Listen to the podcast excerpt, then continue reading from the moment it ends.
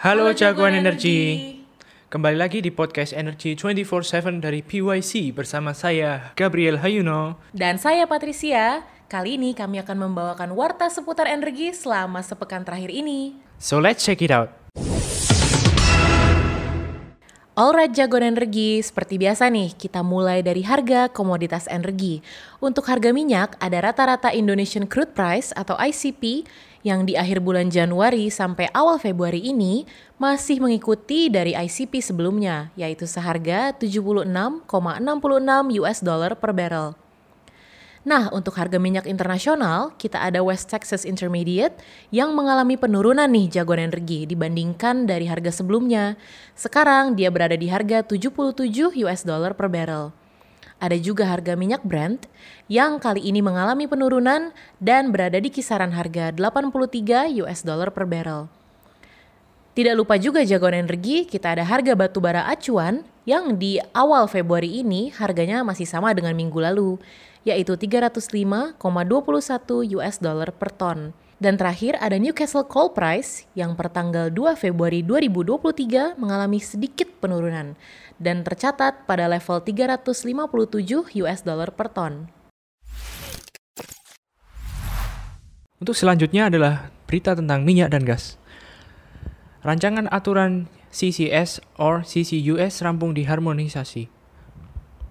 Rancangan regulasi terkait teknologi penangkapan, utilisasi, dan penyimpanan karbon atau carbon capture, utilization, and storage dalam kegiatan usaha migas telah selesai melalui proses harmonisasi yang melibatkan kementerian-kementerian lain.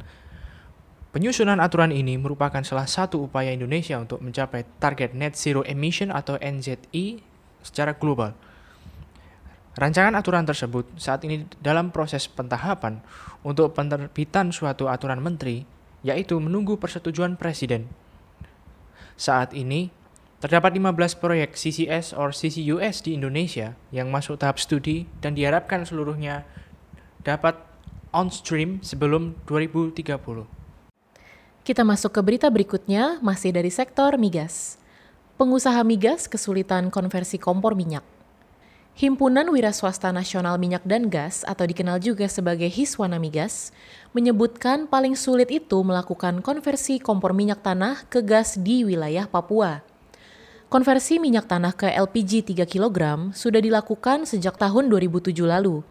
Namun jagoan energi, Papua dan Irian Jaya belum mampu melakukan konversi minyak tanah ke LPG 3 kg secara penuh. Nah, ada beberapa hambatan yang ditemui dalam mengkonversi LPG 3 kg ke Papua atau penyaluran ke daerah terpencil lainnya. Yang pertama, belum baiknya infrastruktur jalan untuk distribusi ke desa-desa terpencil. Kedua, belum ada juga ketentuan detail untuk kriteria yang berhak sebagai pengguna LPG 3 kg.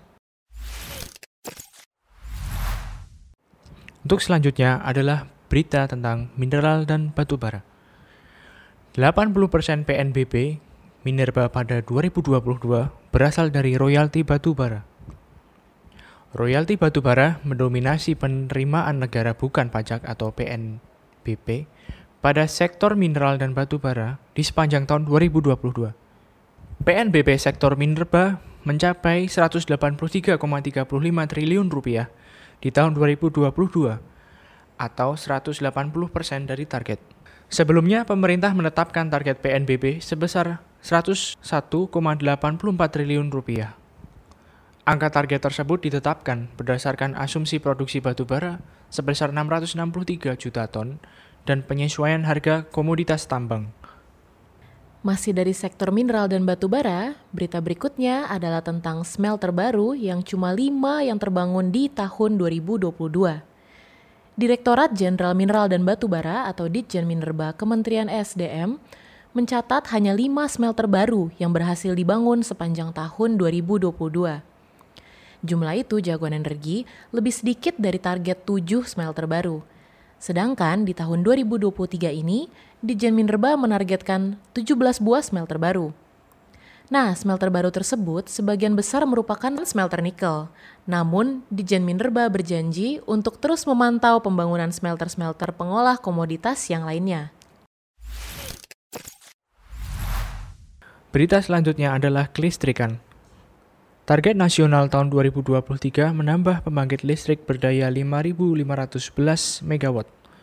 Sesuai dengan Rencana Pembangunan Jangka Menengah Nasional atau RPJMN, tahun 2020 hingga tahun 2024 di Renstra Kementerian ESDM tahun 2020 hingga 2024. Pada tahun 2023, menargetkan beberapa kinerja di subsektor ketenaga listrikan, di antaranya penambahan pembangkit listrik sebesar 5.511,69 MW. Kemudian, jaringan transmisi ditargetkan 3.519,5 kms. Gardu induk targetnya 3.900 MVA. Jaringan distribusi ditargetkan 43.000,065 kms. Gardu distribusi dengan target 3.206 MVA serta infrastruktur stasiun pengisian kendaraan listrik umum atau SPKLU dengan target 1030 unit. Perihal investasi kelistrikan, tahun ini ditargetkan mencapai 6,64 miliar dolar Amerika. Angka ini naik dibandingkan tahun lalu. Di tahun 2022, realisasi investasi kelistrikannya melebihi target yang ditetapkan yakni sebesar 5,71 miliar dolar Amerika atau mencapai 115 persen. Selanjutnya, kita ada berita dari energi baru terbarukan tentang Pertamina Geothermal yang akan proses IPO. PT Pertamina Geothermal Energi Tbk atau PGEO siap melantai di Bursa Efek Indonesia. PGEO telah memasuki masa book building dalam proses initial public offering atau IPO.